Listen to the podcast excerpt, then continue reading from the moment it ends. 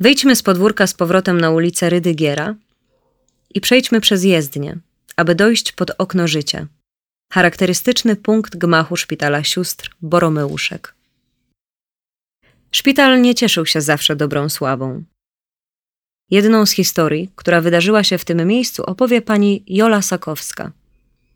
Pedagog, autorka licznych projektów z zakresu edukacji kulturalnej. Jest zaangażowana w program rewitalizacji Nadodrza we Wrocławiu, gdzie kieruje pozarządowym domem kultury Dom Sztuki Pajdart. Prezeska oraz główna animatorka Towarzystwa Kultury Czynnej. Zatrzymajmy się pod murami szpitala. Ulica Rydgiera 2228. Od 1949 do 2002 roku mieścił się tu szpital publiczny, do którego często trafiał mój przewlekle chory wujek. Były to czasy zgrzebne i siermiężne. Kto dziś pamięta męskie piżamy w paski? Te szpitalne wyglądały na wujku szczególnie okropnie.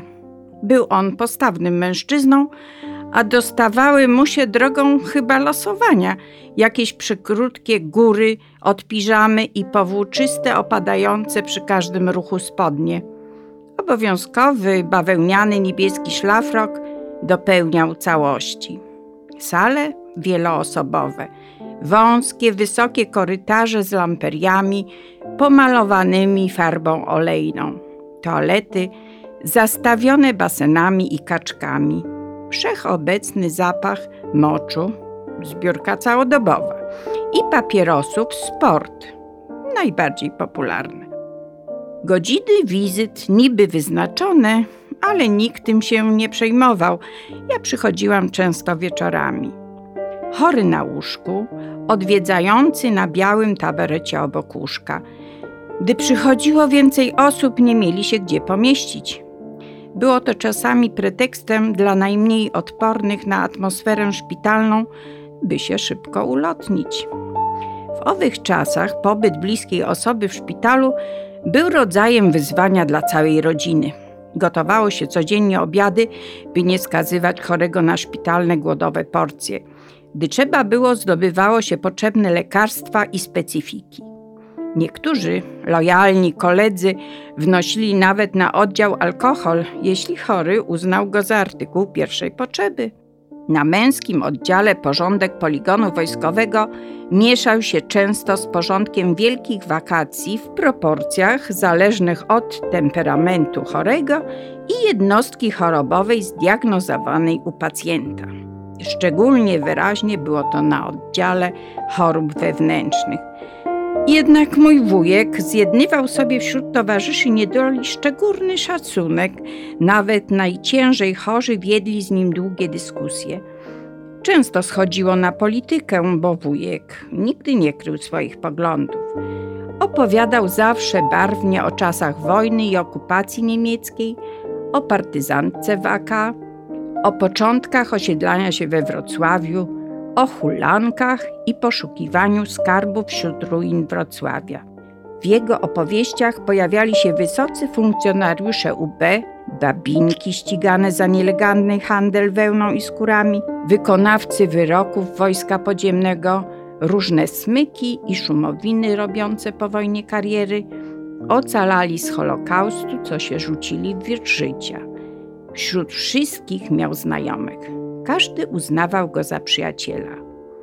Okazało się to bardzo pomocne, gdy aresztowano go w 1949 roku. Odbyło się to tak. Dwóch młodych ludzi dosiadło się do niego w knajpie. Co pan myśli o ustroju komunistycznym? Odpowiedział. Komuna niedługo zdechnie. Osadzono go w areszcie na Kleczkowskiej. Torturowany nie przyznał się do żadnego z 15 zarzutów, o które był oskarżony. To go uratowało przed wyrokiem śmierci. W jego obronę zaangażowały się wszystkie znaczące osoby z tamtych czasów. Zwolniony w wyniku amnestii w 1956 roku powstrzymywał się od jednoznacznych osądów i nikogo nie potępiał. Komuna zdechła. Budynek szpitala na Rydgiera wrócił do poprzednich przedwojennych właścicieli sióstr Boromeuszek. Szpital został zlikwidowany, bo popadł w długi, a jego działalność była nieopłacalna. Tylko starsi mieszkańcy Wrocławia pamiętają o specjalistycznym szpitalu imienia Ludwika Rydgiera w tym miejscu. Przechodząc koło tych czerwonych murów prawie codziennie, nie myślę już o wujku. Moją uwagę przykuwa nieodmiennie okno życia, jedyne w całym Wrocławiu. Jesteśmy na Pomorskiej.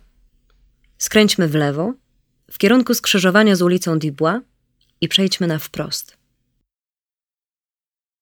Stanisław Dubois to działacz Polskiej Partii Socjalistycznej, uczestnik walk w wojnie polsko-bolszewickiej 1920 roku oraz współkonspirator rotmistrza Witolda Pileckiego w obozie zagłady Auschwitz.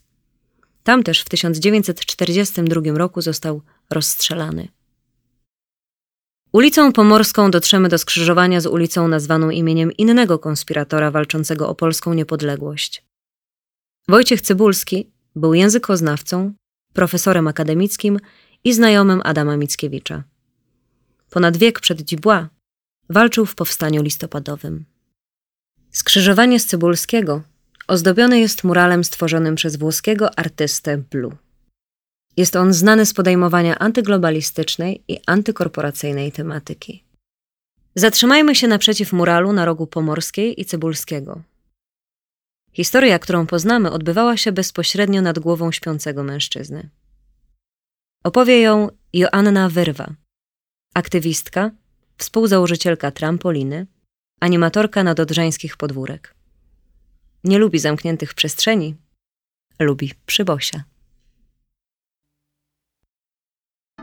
Julian Przyboś, dachy.